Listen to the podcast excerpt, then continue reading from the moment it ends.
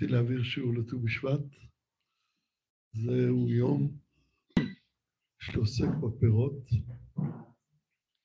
ואין מתאים ממנו לעסוק בפירות שנשתבחה בהם ארץ ישראל.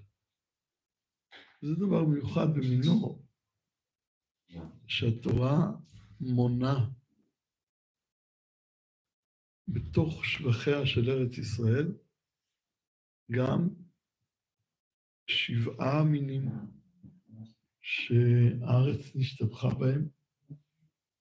זה לא דרשה, זה לא עניין של מה בכך, זה פסוקים בתורה מפורשים, ויש להם גם השלכות הלכתיות. ההשלכות ההלכתיות גם לא בסוף. תודה. ההשלכות ההלכתיות הן בדיני קדימה בברכות, בדיני ברכה אחרונה וכיוצא בזה.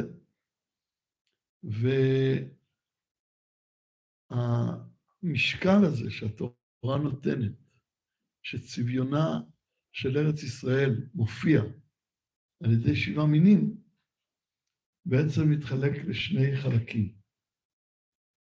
אחד זה חיטה ושעורה, שהם אה, אינם פירות, אינם פירות העץ, ולכן לא נוגעים לט"ו בשבט, וחמישה שהם פרי העץ, ובהם אנחנו רוצים לעסוק, גפן, תאנה ורימון, זית שמן ודבש.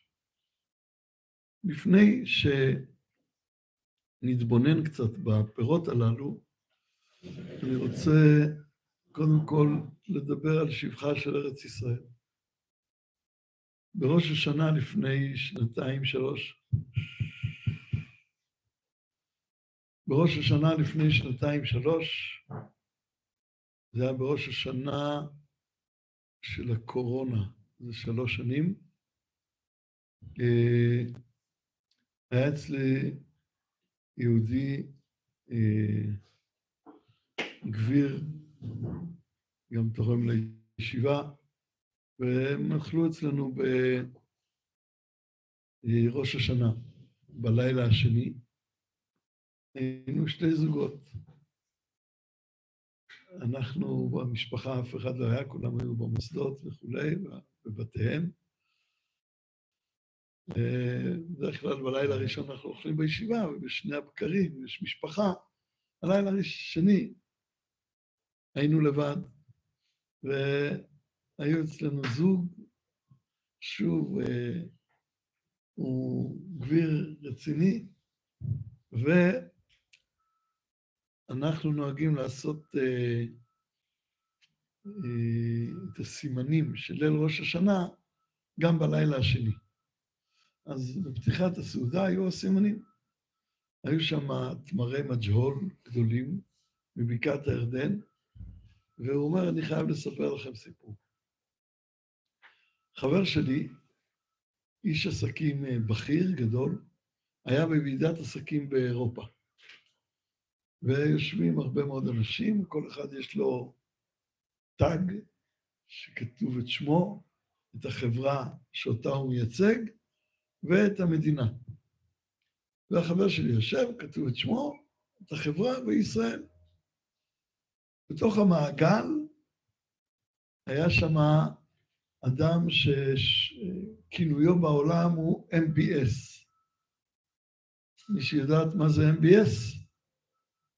MBS זה מוחמד בן סלמן, המנהיג של סעודיה. מדינה עשירה, ענקית. הוא רואה את החבר שלי יושב שם, כתוב ישראל, ובאמצע ועידה הוא קורא לו לצאת רגע החוצה. יוצאים החוצה, והוא אומר לו שהוא בדואי, מנהיג סעודיה, והוא מומחה, כמו הבדואים, לאיכויות של תמרים. הוא אומר לו, התמרים הכי טובים בעולם נמצאים בבקעת הירדן, במטע של, הוא אמר יישוב מסוים או קיבוץ מסוים, אני לא, לא יודע לזכור להגיד, האורח ידע להגיד בדיוק, אבל אני לא זוכר להגיד בדיוק. הוא אמר לו, שם יש את התמרים הכי טובים בעולם, ואני מבקש שתדאג לי לטון תמרים. אז היהודי מוציא פתק וכותב, ושואל אותו, הוא אומר לו, לא, לא, לא הבנת. עכשיו. אז הוא אומר לו, מה עכשיו? הוא אומר לו, אני אסביר לך. אתה מצלצל אליהם, תשיג את המספר, תצלצל אליהם, שישלחו טון עכשיו לנמל תעופה בן גוריון, תוך כדי אתה דואג שמטוס מנמל תעופה בן גוריון ייקח את זה לקפריסין, אני שולח את הטייס שלי לקפריסין, והוא יעלה את זה מהמטוס ההוא למטוס שלי. ואני מבטיח לך שאף אחד לא יפסיד בדרך. וכך היה. העבירו טון של uh, תמרים מאותו מקום, והבדואי העיד שזה התמרים הכי טובים בעולם. אז האמירה של פירות שנשתבחה בהם ארץ ישראל, היא אמירה שהולכת ומופיעה, ארץ ישראל בדור שלנו נותנת פירותיה, מה זה פירותיה? את הפירות שלה, שהיא נשתבחה בהם בעין יפה.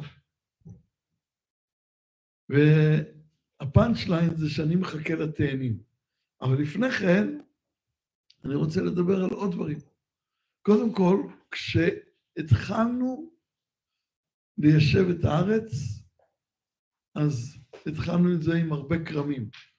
בזיכרון יעקב, בראשון לציון, כרמל מזרחי. והיום הגפנים, היינות של ישראל, זוכות, זוכים בהרבה מאוד תחרויות, מקום ראשון ביינות של העולם. שכן מולי, כשגרתי במעלה לבונה לפני למעלה משלושים שנה, השכן מולי היה לו איזה יקב קטן, בוטיק, והיין שהוא עשה זכה למקום ראשון בעולם, לסוג מסוים. הבן שלי היה מנכ"ל חברת בנייה שהיה לה גם יקבים, וגם חלק מהעיינות זכו לפרסים ראשונים, והם רק דוגמאות, יש גם אחרים. כמובן, לא כל העיינות כל הזמן, אבל נדמה לי שבממוצע מדינת ישראל היא במקום ראשון או שני, או אני לא יודע שמה, במספר היינות שזוכים, דרך אגב, עכשיו זה הגיע גם לשעורים, גם הבירות הטובות בעולם הן משעורים של ארץ ישראל. החיטה, אנחנו לא נעסוק בחיטה ושעורה מפני שהן לא פרי העץ, אנחנו בט"ו בשבט, אבל החיטה, אה, במדינת ישראל היא גם ייצוא וגם יבוא. הייצוא זה של חיטה מאוד משובחת, שאנחנו זוכים לאכול אותה רק במצות שאנחנו אוכלים, ואולי בעוד פסטות מאוד אה, מפונפנות, ואנחנו מייצאים חיטה משובחת ומייבאים חיטה פשוטה, שהיא הרבה יותר זולה, וזה כל הלחם והדברים האחרים מחיטה שאנחנו אוכלים. שהם אה, מחיטה פשוטה, ואת החיטה המשובחת של ארץ ישראל אנחנו אוכלים לפסח, למצות שלנו, וגם מייצאים כנראה לכל מיני מטרות אה, כאלה. אה, אז דיברנו על התמרים, דיברנו על היין. משק החייה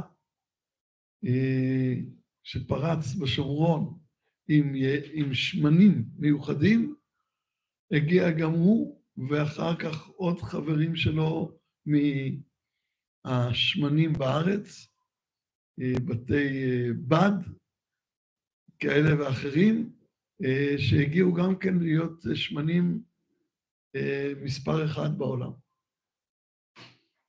כמובן, תלוי באיזה תחרויות, אני לא יודע להגיד לכם את כל הפרטים, את כל המשמעויות, אבל גם השמן שלנו הגיע וטיפס עד לצמרת, ואולי יותר מכולם זה הרימונים.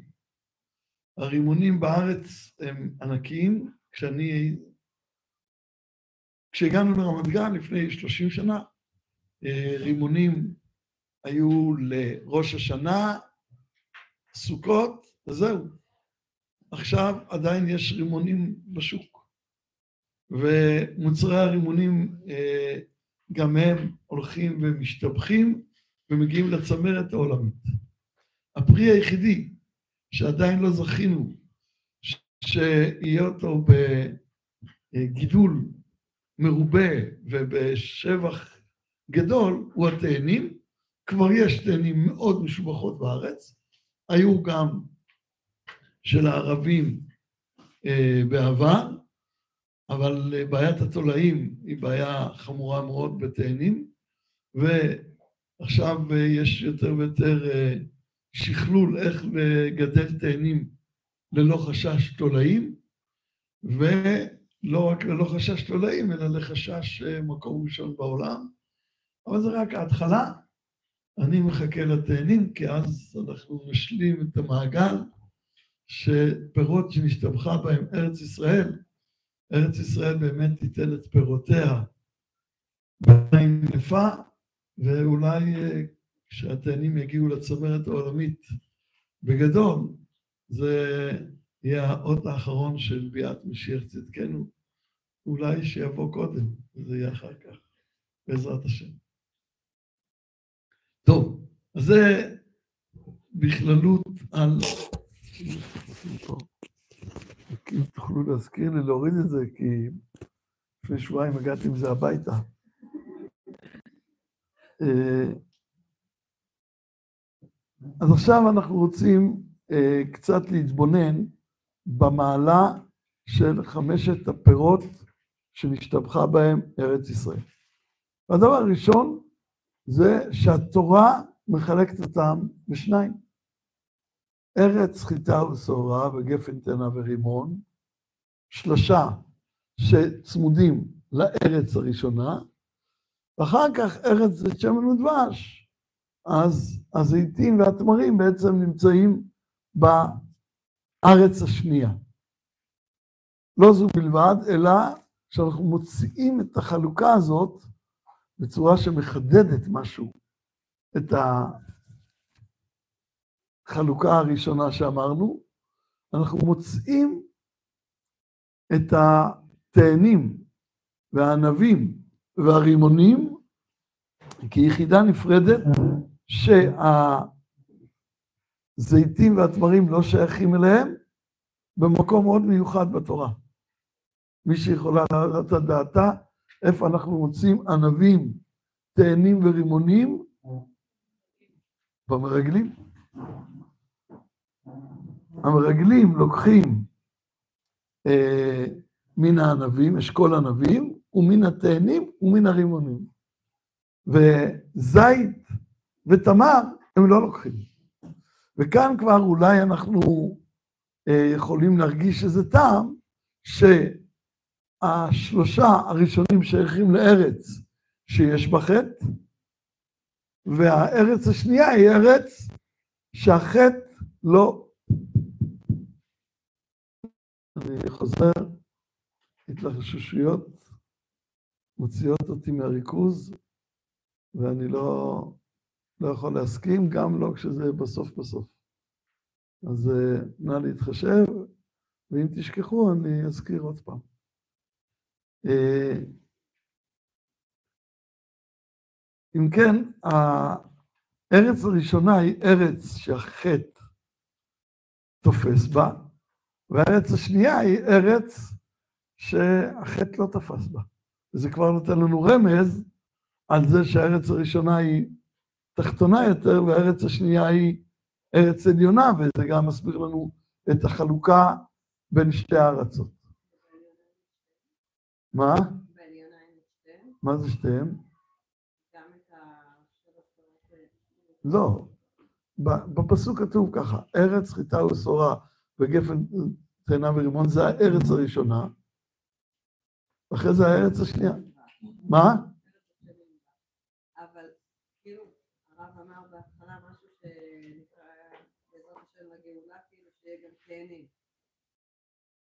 אבל אני אומרת כאילו, כשאין חטא, שהמצב כאילו לגאולה שזה אחוז. למה התאנה נשארה אחרונה? זו שאלה מעניינת, אולי עוד מעט תיתן לזה תשובה. אבל... לא כאילו אה, לא? אה, נכון. לא רק זה, בזמן הגאולה יש מעלה גדולה לתאנים, נזכיר את זה.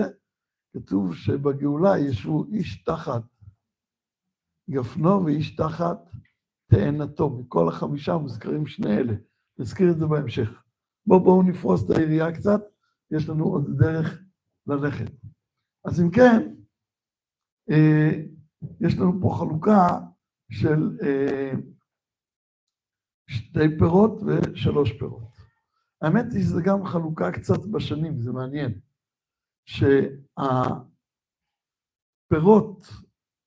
הענבים והתאנים והרימונים הם פחות או יותר תמוז, אב, אלול, כלומר, תמוז מפורש שזה ענבים, המרגלים יוצאים בראש חודש תמוז, וזה ימי ביקורי ענבים. התאנים הם באב, והרימונים הם באלול. התמרים שייכים לסוף תשרי חשוון, והזיתים לכסלו. אז יוצא שהם גם שייכים לשתי שנים שונות.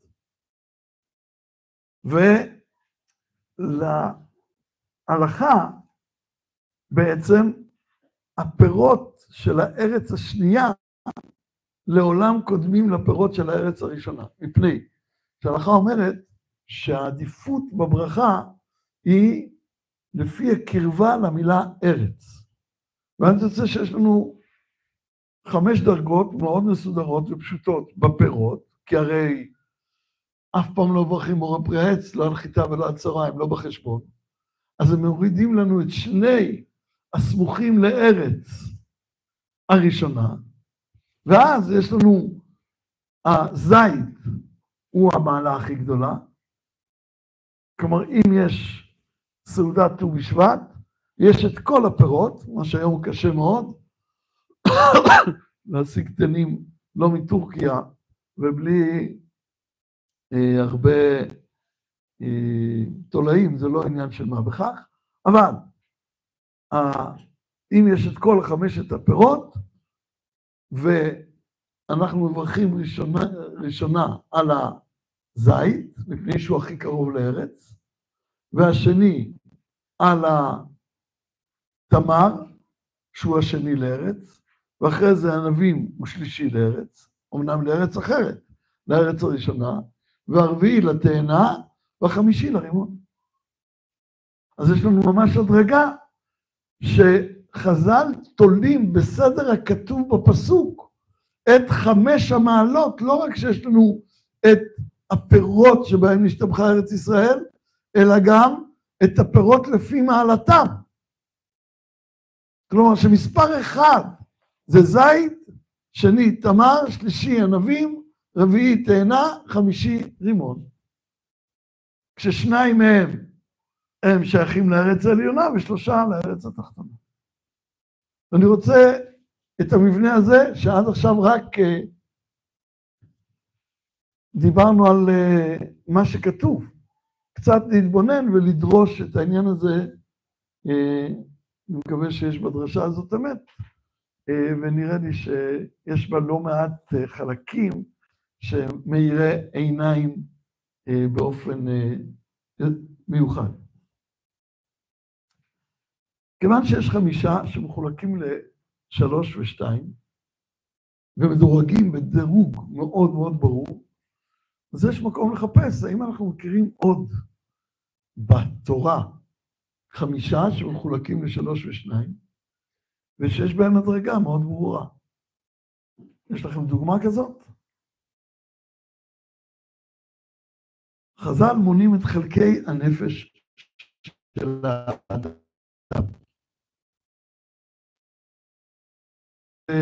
ראשי תיבות שמתחלקים לשתיים, לשתי מילים, את כל חלקי הנפש של האדם. איך זה נקרא? נרן חי. או נפש, רוח, נשמה, שהם מתגלים פה, בארץ התחתונה בעולם הזה, וחיי היחידה שלא מתגלים פה, אלא לעתיד לבוא, בארץ העליונה. אז יש מקום גדול להשוות בין נרן חי לבין חמשת מיני הפירות. אבל בשביל להשוות, אנחנו צריכים קודם כל להתבונן בבהירות מהם המעלות של הנרן חי. נפש, רוח, מלמטה, נפש, רוח, נשמה, חיה יחידה. ואני רוצה להסביר אותם בצורה שנדמה לי מובנת מאוד, ולמרות שזה דברים מאוד מובנים, הם נשמעים ארטילאיים כי לא מרבים להסביר אותם. ואני קצת ממקומות מלוקטים אה, רוצה להסביר את כל החמישה האלה. הדרגה הראשונה מלמטה היא דרגת הנפש. בתורה כתוב, כי הדם הוא הנפש. כלומר, הנפש קשורה לדם שבתוך הגוף. ובדברי רבותינו זה נקרא מרוצת חיי הגוף. כי הגוף מצד עצמו הוא דומם. אנחנו לא נתבונן בזה עכשיו הרבה, אבל הוא אפילו דומם שפל מאוד. שהרי אם נשאיר פה מתכת ונבוא עוד שבוע, הכל יהיה בסדר, נשאיר פה את העץ הזה, אחרי שמהוקצע, סתם צומח, יכול לקמול, אבל העץ המהוקצע, חוזרים, הכל בסדר. אבל אם נשאיר גוף בלי נרן חי, פה, ולחזור עוד שבוע, יהיה קשה להיכנס לחדר למרות גודלו. אז הגוף כשלעצמו הוא דומם, ואפילו החלוש שבדוממים, ולא נאריך בזה עכשיו. והנפש, היא מחיה אותו. היא נותנת לו חיות גופנית, מריצה כמו אדם, שמה זה, איך נקרא מת? שפיכות דמים. אם אין דם, אז אדם מת. זאת השחיטה. ואדם הוא הנפש, הכוונה לחיי הגוף התוססים בניגוד לגוף עצמו שהוא דומם. בעלי החיים, גם לבעלי החיים יש דם שמריץ את הגוף. לעומת הדומם שהוא גרט גוף. על הצומח לא נדבר כרגע.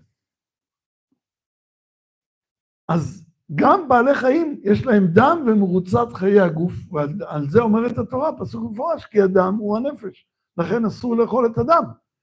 את הבשר של בעלי החיים מותר לאכול, כי הוא במדרגה יותר נמוכה. אבל הדם, שהוא במדרגה יותר גבוהה, התורה אומרת למה ומזהירה בתוקף לא לאכול דם, רק חזק, לבלתי אכול הדם, כי הדם הוא הנפש.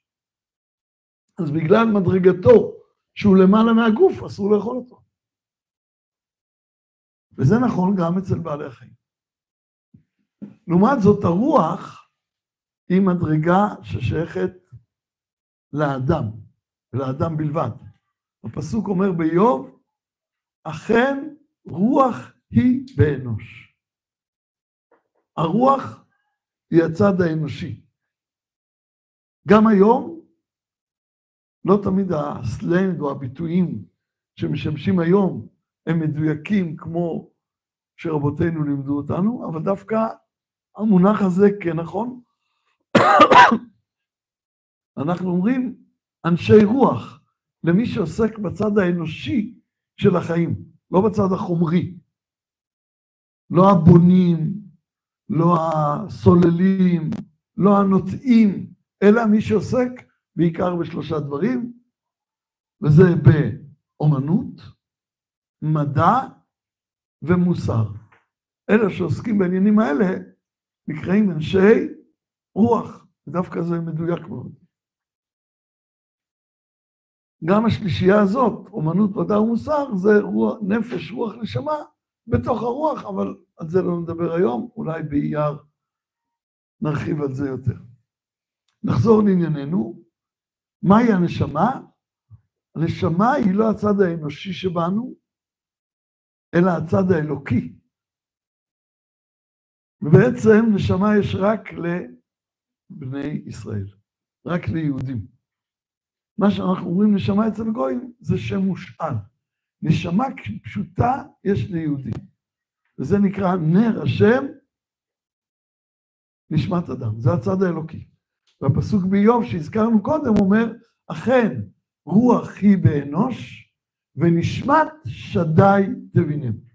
זה הפסוק בשלמותו. ובעצם הוא אומר שהרוח זה הצד האנושי והנשמה הצד האלוקי. אז נפש, רוח, נשמה, בשלוש מילים זה בהמי, אנושי, אלוקי. אלוקי הכוונה, אותו החלק שבנו, שנוטה אל הדבקות האלוקית. וכיוון שרק ישראל קיבלו תורה ורק ישראל הם חלק אלוקה ממעל, לכן נשמה באמת יש רק לישראל.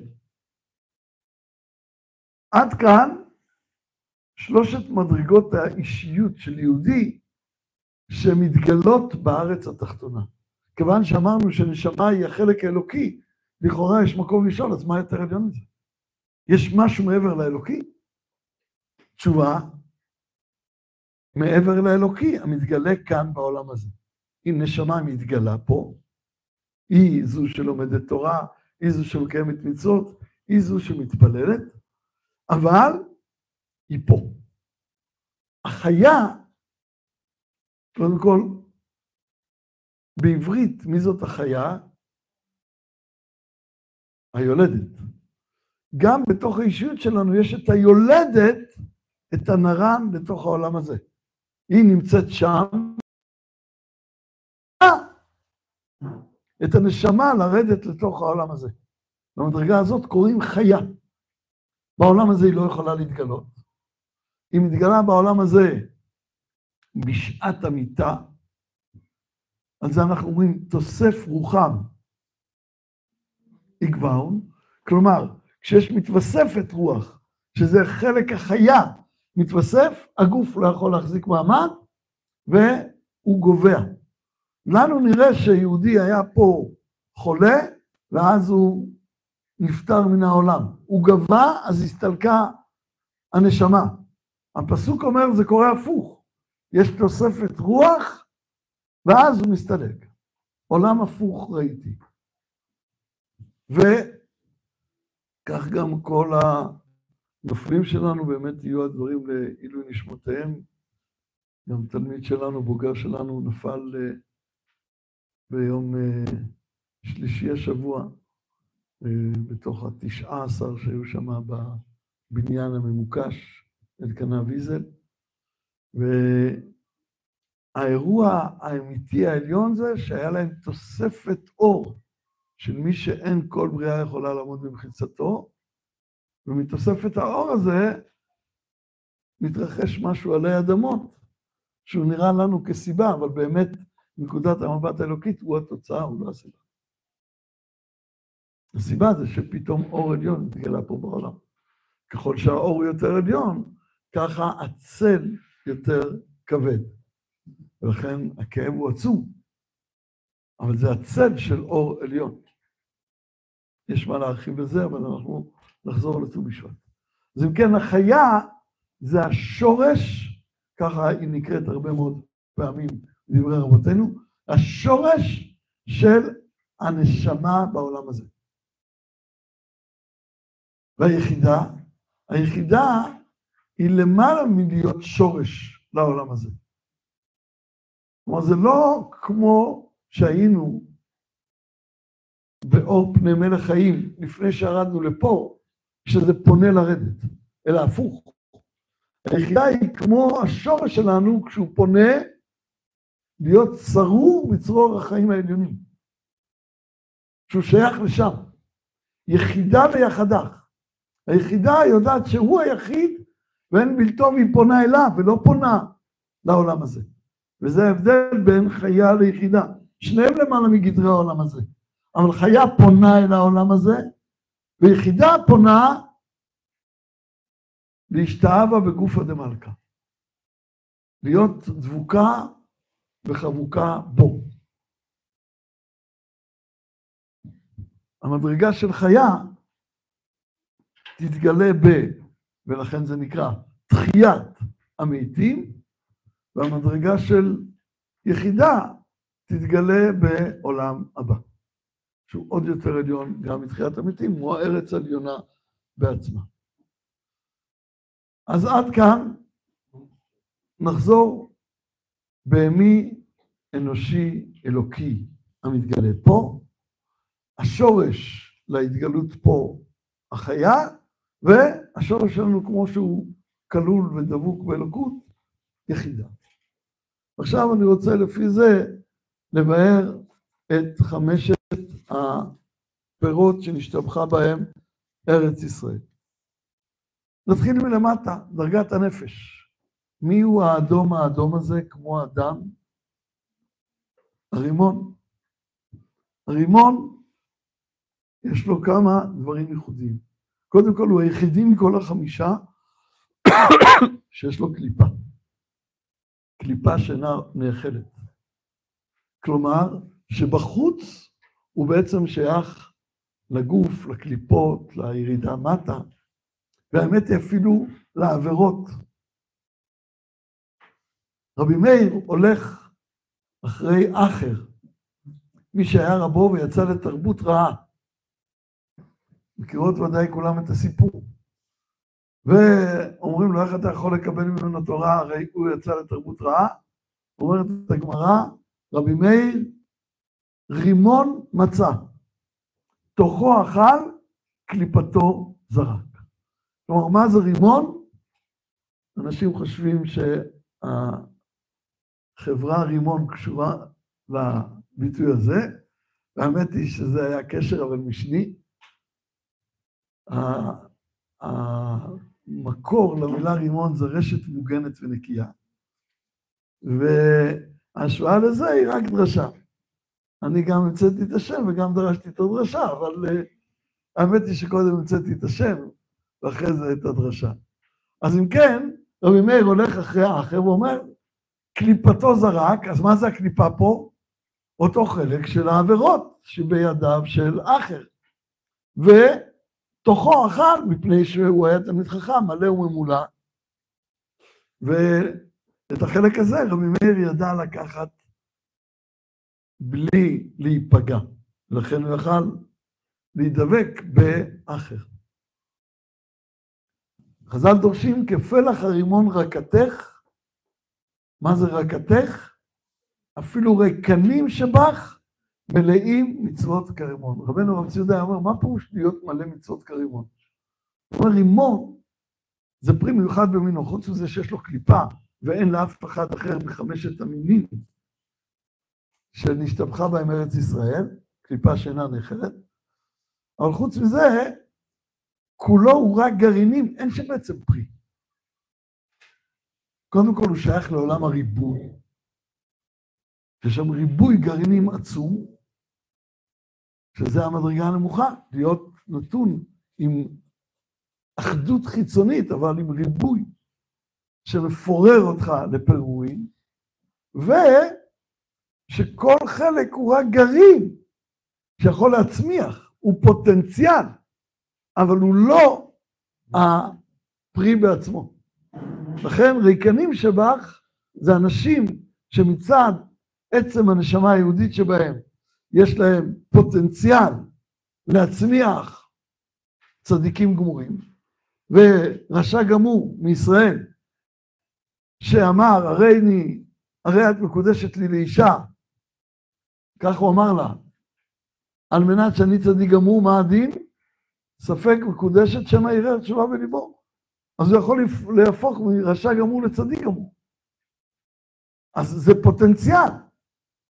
וזה, הריקנים שבך הם מלאים מצוות כרימון. כלומר, יש בהם מלא פוטנציאל לכל המצוות. וטיפה טעם חמצמץ של מה שטיפה יוצא לפועל, אבל הם לא מצליחים להבשיל אותו. עוד תכונה שיש לרימון זה שלמרות שפלותו הוא עולה מעלה-מעלה. ומה הוא עולה מעלה-מעלה? הוא עולה מעלה-מעלה בזה שיש לו כתר. הוא היחידי מתוך החמישה שיש לו כתר. והוא נמצא בבגדי הכהן הגדול, על המעיל, פעמון ורימון, פעמון ורימון. אין לנו עוד בבגדי כהן גדול אחד מחמשת המינים, חוץ מהרימון. ובאמת, היה, אה,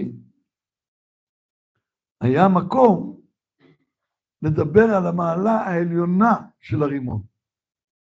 במה מתגלית המעלה העליונה? זה כמו המעלה של סוף חג הסוכות. בחג הסוכות, ועוד נפגוש את חג הסוכות עוד מעט, כי יש לנו עוד סוג שקשור לחג הסוכות, ממש, כאן זה רק אה, מעין. אנחנו לוקחים ארבעה מינים, אבל ביום האחרון אנחנו לוקחים, שהוא נקרא יום הערבה, אנחנו לוקחים רק את המין הכי פשוט, בגלל שהמין הכי פשוט הוא מגלה את עצם הסגולה הישראלית, שהיא יותר עליונה ונשגבה מהבחירה. כלומר, הפער בין צדיק ורשע בישראל הוא פער הרבה יותר קטן מאשר בין יהודי וגוי. ולכן, כדי לבטא את עצם סגולת ישראל לעומת הגויים, אנחנו לוקחים דווקא את הערבה. כי אחרת אתה חושב שאולי זה בגלל המעשים הטובים, או התורה, שיש בה הדס, בלולב ובאתרוג. אנחנו לוקחים את הערבה ואומרים, עצם סגולת ישראל זה לא תלוי לא בתורה ולא במצוות, אלא בנשמה אלוקית. זה מה שהרב כותב באיגרת תקנה המפורסמת על הסגולה והבחירה. ולכן הסגולה מתגלה ברימון, שעולה להיות, להיות כתר על הראש ופעמונים ב... במעילו של הכהן הגדול, ודווקא הוא מלמד על המעלה העליונה של ישראל, ובראש השנה אנחנו לוקחים אותו ואומרים שירבו זכויותינו כרימון, כלומר שלא רק יהיה לנו זכויות מהצד האנושי שלהם, אלא שכל מצווה יהיה לה גם את הטעם האלוקי, אף על פי שמצד הרימון זה עולם הריבוי החיצוני, אבל שהוא יגיע עד לפנים פנימיות, וזה מעלתם של ישראל העצמית.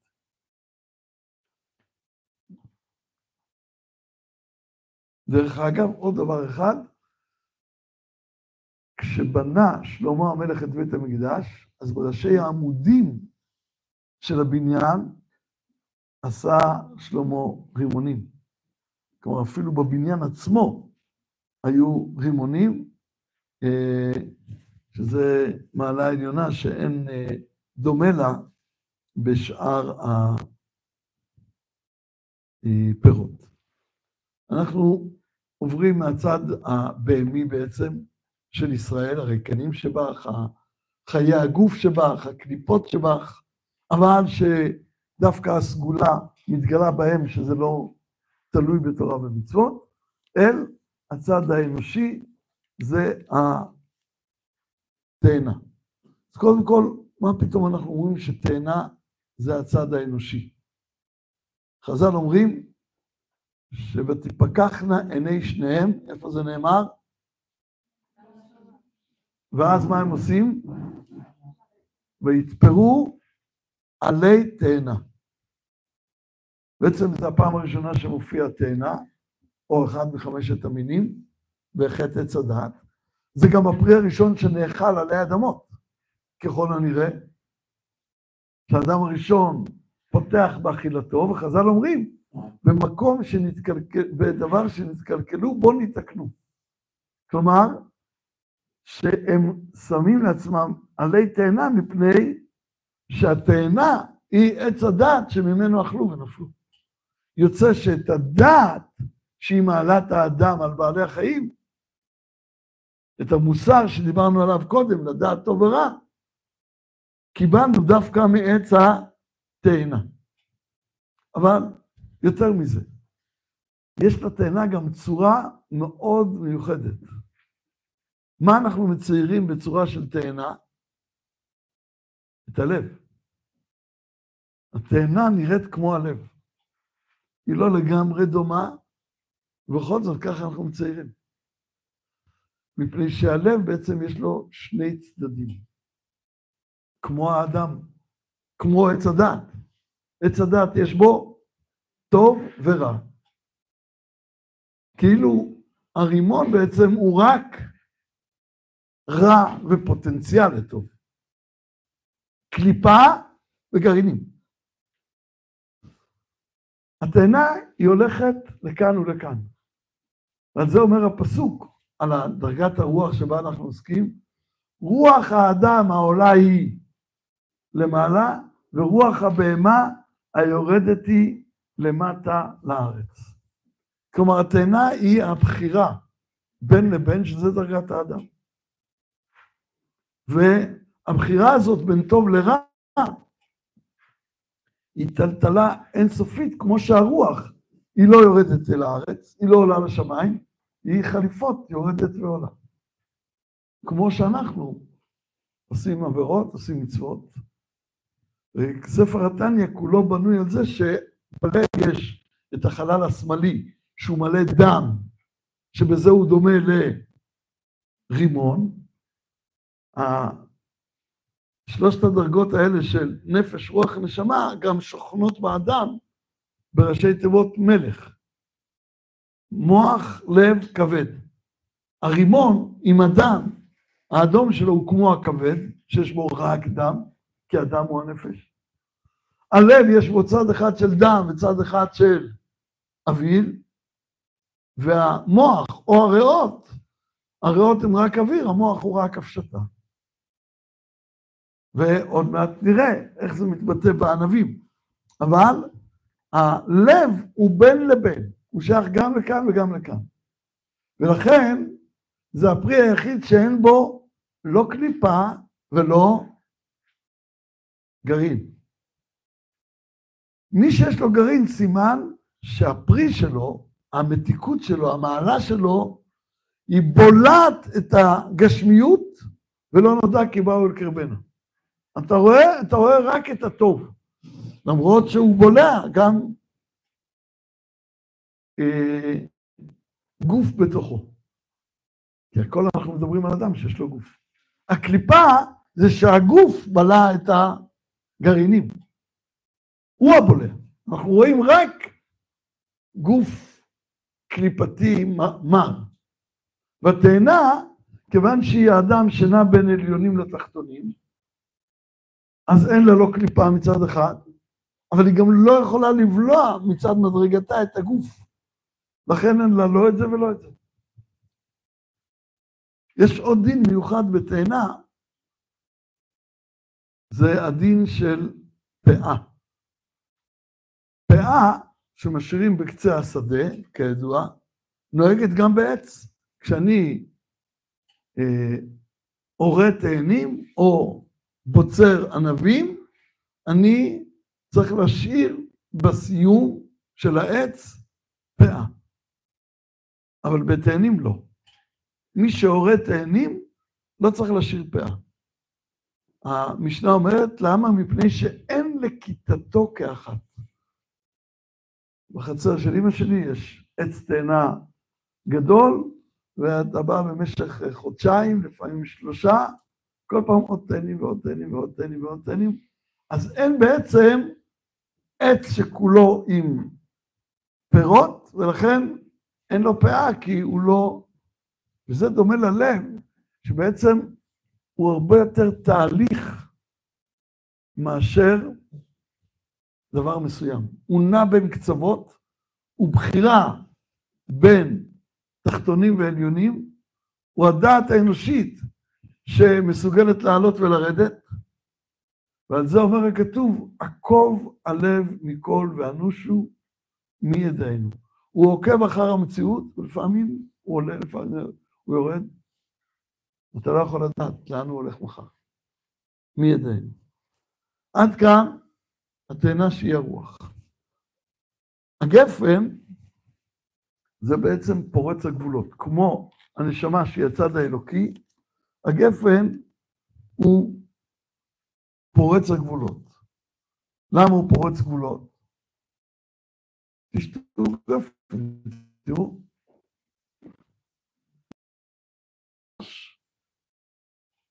ויש מקום לומר שנוח, שהיה כבול במיצרים נוראים במשך כל ימי שבטו בתיבה, כשהוא יוצא החוצה הוא מרגיש צורך לפרוץ את המיצרים, ומה הוא עושה דבר ראשון? נוטע כרם. שזה תנועת השחרור. כל מי שנמצא במצוקה ואוהב אלכוהול, שותה אלכוהול. כדי לשכח את צרותיו. לא יהיה הדבר קל בעיניכם.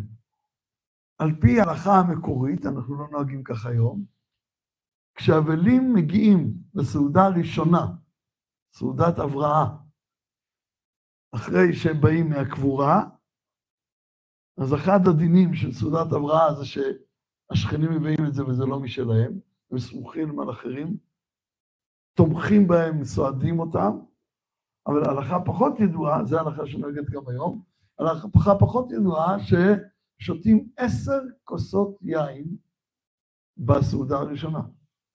שנאמר, תנו, תלוי, חסידים, מסנגדים, לא יודע. בהלכה כתוב כוסות, יש כאלה, את יודעת, יש הלכות כאלה. כל אחד עשר כוסות. תנו שכר לעובד ויין למראי נפש. כי אם אתה נמצא במצוקה, אז אתה צריך להשתחרר מהכאבים והמרירות של חיי העולם הזה. וזה הגפן. הגפן הוא גם הראשון שעולה לגבי המזבח. לא התאנים ולא הרימונים עולים על גבי המזבח. נכון, יש לכהן הגדול, אבל זה לא עולה למעלה. היין הוא נוסח על גבי המזבח, ובעצם עולה למעלה. זה כמו הנשמה של נר השם נשמת אדם, שכל עניינה של האש, הלהבה, זה שהיא מחפשת דרך לצאת מהאחיזה פה ולעלות למעלה. אמרנו כבר שלעתיד לבוא, ישבו איש תחת גפנו ואיש תחת עינתו. כאילו לעתיד לבוא, לפני תחיית המתים, בגאולה, העוונות לא יהיו, אז אין רימונים. הדרגות העליונות של תחיית המתים בעולם הבא עדיין לא יהיו, אז ישבו איש תחת תאנתו, זה הדעת האנושית, ותחת גפנו זה הבעירה לדבקות אלוקית. נכנס יין, יצא סוד. איזה עומק פנימי יוצא דווקא ומשתחרר על ידי היין ומגלה שכל יהודי הוא חלק אלוקה ממעל ממש. ולכן בשלושת אלה, שלושת הפירות האלה, רימונים, תאנים וענבים, ששייכים לעולם הזה, חל החטא. וכשבאים אל הארץ, המרגלים, אז הפירות האלה שקשורים לארץ התחתונה, הם חוטאים בהם. ומכאן אנחנו עוברים לארץ העליונה. הארץ העליונה מתחילה בעץ התמר. עץ התמר, רואים שהוא שייך לארץ עליונה. מי שביקר פעם ליד יריחו, נהרן, או גם הרבה מאוד uh, קיבוצים בעמק בית שאן, שיש בהם בתים עם קומה אחת, שתי קומות, ודקלים שהם בגובה ארבע, חמש קומות, תלוי בוותק שלהם. אז התמרים הם בכלל נמצאים למעלה. ויותר מזה, הם כאילו שייכים למעלה, למרות שהאתרוג יש בו גם מצוות ומעשים טובים וגם תורה, היינו מצפים לברך על האתרוג, ואנחנו מברכים על הלולב, כי הלולב שייך למעלה. הוא לא פה, הוא מן העליונים. חז"ל רמזו, אמרתי אעלה בתמר, אעלה ראשי תיבות, אתרוג, ערבה, לולב, הדס.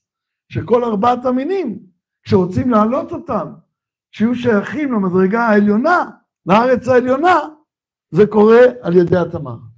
אבל כמו שאמרנו, דרגת החיה היא מורידה אל הארץ התחתונה. הארץ הזאת נקראת בתורה בשם מופלא מאוד, ארץ זבת חלב ודבש. מה זה דבש בתורה? ארץ זאת שמן ודבש. כלומר, היא זבה את התמרים. כל מי שיש לו תמר עסיסי בבית, ודאי מז'ול, שיש עץ, יודע שמתחת לעץ הכל דביק מרוב דבש של התמרים שכל הזמן זב מלמעלה למטה. זיווה זה ירידה מן העליונים אל התחתונים. והצדיק הוא זה שמשפיע את המתיקות של העולמות העליונים לכל יושבי הארץ התחתונה, ולכן הוא נקרא צדיק כתמר יפרח. כמו שהוא דווקא דומה להשפעה של מתיקות עליונה על הארץ. וזהו עץ התמר. מפני שהוא יורד לארץ ולא עולה למעלה, הלולב עולה למעלה, אבל התמר עצמו יורד למטה, לכן כתוב ככל שאור וכל דבש, לא תקטירו ממנו איש אל השם. הגפן כבר עולה, השמן עולה. נסכים, אה, אה, מנחות מביאים סולת בלולה בשמן. אז אם יש גפן שעולה ושמן שעולה, אז מי שביניהם, שזה התמר, היינו מצפים שגם יעלה. והתורה אומרת, ככל שאור, שזה דין אחר, בכל דבש לא תקטירו. הדבש לא עולה. הגפן עולה, כי זה כמו הנשמה, נר השם נשמת אדם. הגפן הוא היציאה מהעולם הזה לעולם העליון. עוד מעט נראה שהשמן זה לא זה. השמן יש לו תפקיד אחר.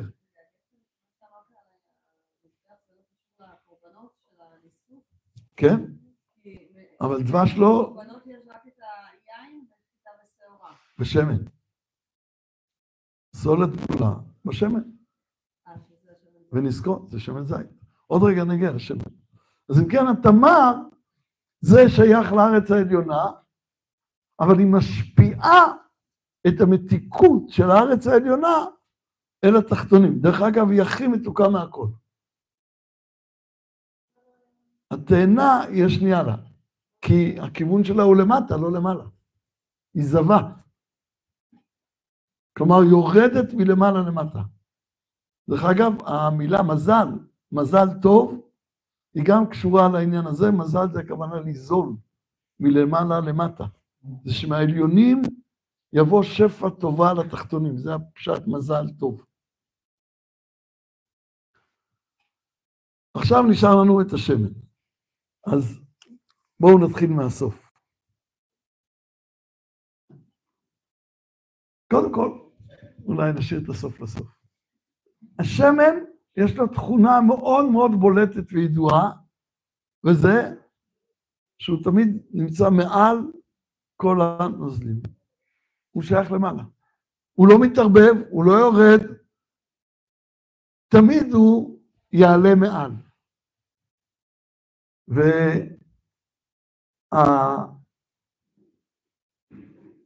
והמיוחד בזית, שזה מפתיע, שעליו מברכים, הוא בכלל לא מתוק. זית אפילו בעצם בטבעו הוא כמעט, הוא מר, אבל הוא ודאי לא מתוק. מה שאנחנו מרגישים בו מליחות וחמיצות, זה כי כובשים אותו במלח וחומץ. אבל מצד עצמו הוא מר. מי דיבר על המרירות של הזית, שיכול לחדד לנו את הפער בין התמר לזית? היונה. הפעם הראשונה שאנחנו פוגשים זית, זה שוב בתיבת נוח, והיונה מביאה עלי זית טרף בפיה, והיונה עם העלה של זית היא הסימן לשלום ובצדק, כמו שנראה עוד רגע. אבל העלה זית הזה, אומרים חז"ל, שבאה היונה ואומרת לנוח, מוטב יהיו מזונותיי מרורים בידיו של הקדוש ברוך הוא, ולא מתוקים בידי בשר ודם. זה מה שהיא רמזה לו. יוצא שהמרירות זה שאני בידי הקדוש ברוך הוא, והמתיקות זה כאן.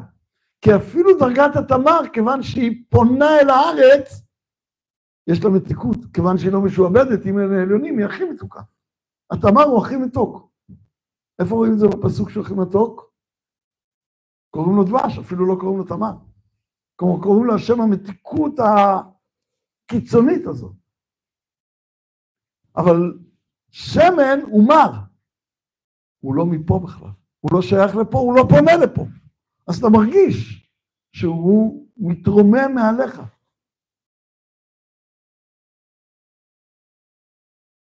אבל יותר מזה, כשאני רוצה, עשיתי כלי שרת, עשיתי מזרק, אחד מהכלים שמשתמשים בהם, עשיתי מזבח. אני רוצה עכשיו שהוא יהיה קדוש. מה עושים? מושכים אותו בשמן המשחה. רוצים כהן שיהיה כהן גדול, מה עושים? מושכים אותו בשמן המשחה. מה עושה שמן המשחה בעצם? השמן אומר לו, אתה חלק מן העליונים ולא מן התחתונים. אתה גם לא פונה לתחתונים. שמן זה אומר שאתה שייך למעלה. שמן משחת, קודש. אתה נעשה קדוש. והדבר הכי מופלא, וזה אנחנו מסיימים, זה שהגאולה, שכל מה שאנחנו כוספים, נקראת על שם הזית. איפה? משיח. לא קוראים לו המלך, לא קוראים לו הגואל. יכול להיות עוד הרבה רעיונות איך היה אמור לקרוא לאיש ההוא. שכולם מצפים לו, כל העולם מצפה לו. ואיך אנחנו קוראים לו? משיח. למה?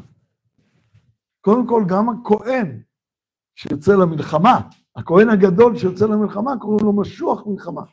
אבל זה כבר עם uh, מילה נלווית.